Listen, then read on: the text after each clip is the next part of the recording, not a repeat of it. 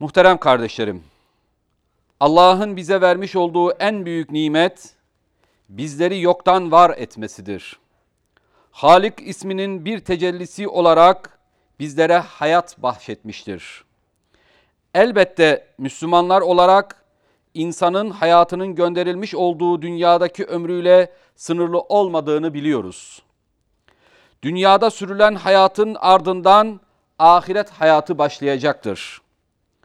Dünya hayatının değişmeyen gerçeği dünyaya gelen her insanın ölüme mahkum olduğu gerçeğidir.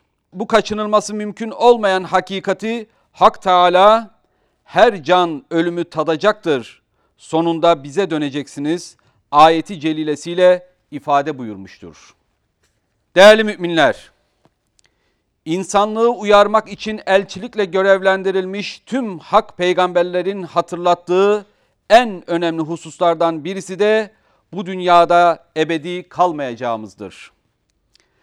Yaşadığımız dünya hayatı ebedi olan ahiret hayatına nispetle çok kısadır. Yüce Peygamberimiz Hazreti Muhammed Mustafa sallallahu aleyhi ve sellem benim dünya ile ilgim ne kadar ki ben bu dünyada bir ağacın altında gölgelenen sonra da oradan kalkıp giden bir yolcu gibiyim diye buyurmuştur. Ahiret hayatı ile dünyadaki ömrümüzün değer bakımından karşılaştırmasını Yüce Mevlamız Kur'an-ı Azimuşşan'da bu dünya hayatı ancak bir eğlence ve oyundan ibarettir. Ahiret yurduna gelince işte gerçek hayat odur. Keşke bilselerdi şeklinde beyan etmektedir. Kıymetli cemaat, eskilerin deyimiyle insan nisyan ile malüldür. Yani insan unutan bir varlıktır. Dünyanın geçici olduğu ve bu alemde kalıcı olmadığımız sürekli unutulmaktadır. Bu dünyadan hiç gitmeyecekmiş gibi hareket edilmektedir.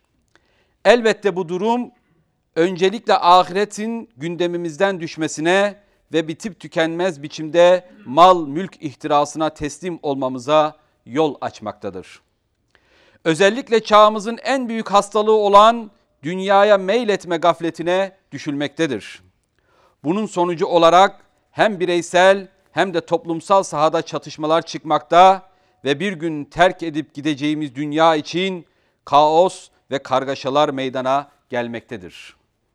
Alemlere rahmet olarak gönderilmiş olan Peygamberimiz sallallahu aleyhi ve sellem bu menfi durumların üstesinden gelmemiz için ağızların tadını bozan ölümü sıkça hatırlayın diyerek önemli bir tavsiyede bulunmaktadır. Resulullah'ın insanlığa yönelik bu tavsiyesi inanıyoruz ki günümüzde ihtiraslarının pençesinde kıvranan hastalara da yarar sağlayacaktır. Aziz Müslümanlar, ölüm gelmeden evvel kendimizi hesaba çekmeliyiz. Hayatın günlük akışına kendimizi kaptırıp nefis muhasebesini ihmal etmemeliyiz. Kulluğumuzun bilincinde olarak ahirete hazırlık yapmalıyız. Vademiz dolduğunda ve bu dünyayı terk edip gittiğimizde yapıp ettiklerimizin hesabını vereceğimiz bir ahiret hayatına doğacağımızı unutmamalıyız. Yüce Rabbimiz herkes ölümü tadacaktır. Yaptıklarınızın karşılığı size eksiksiz olarak ancak kıyamet gününde verilecektir. Kim cehennemden uzaklaştırılır da cennete konursa artık kurtulan kişi olmuştur.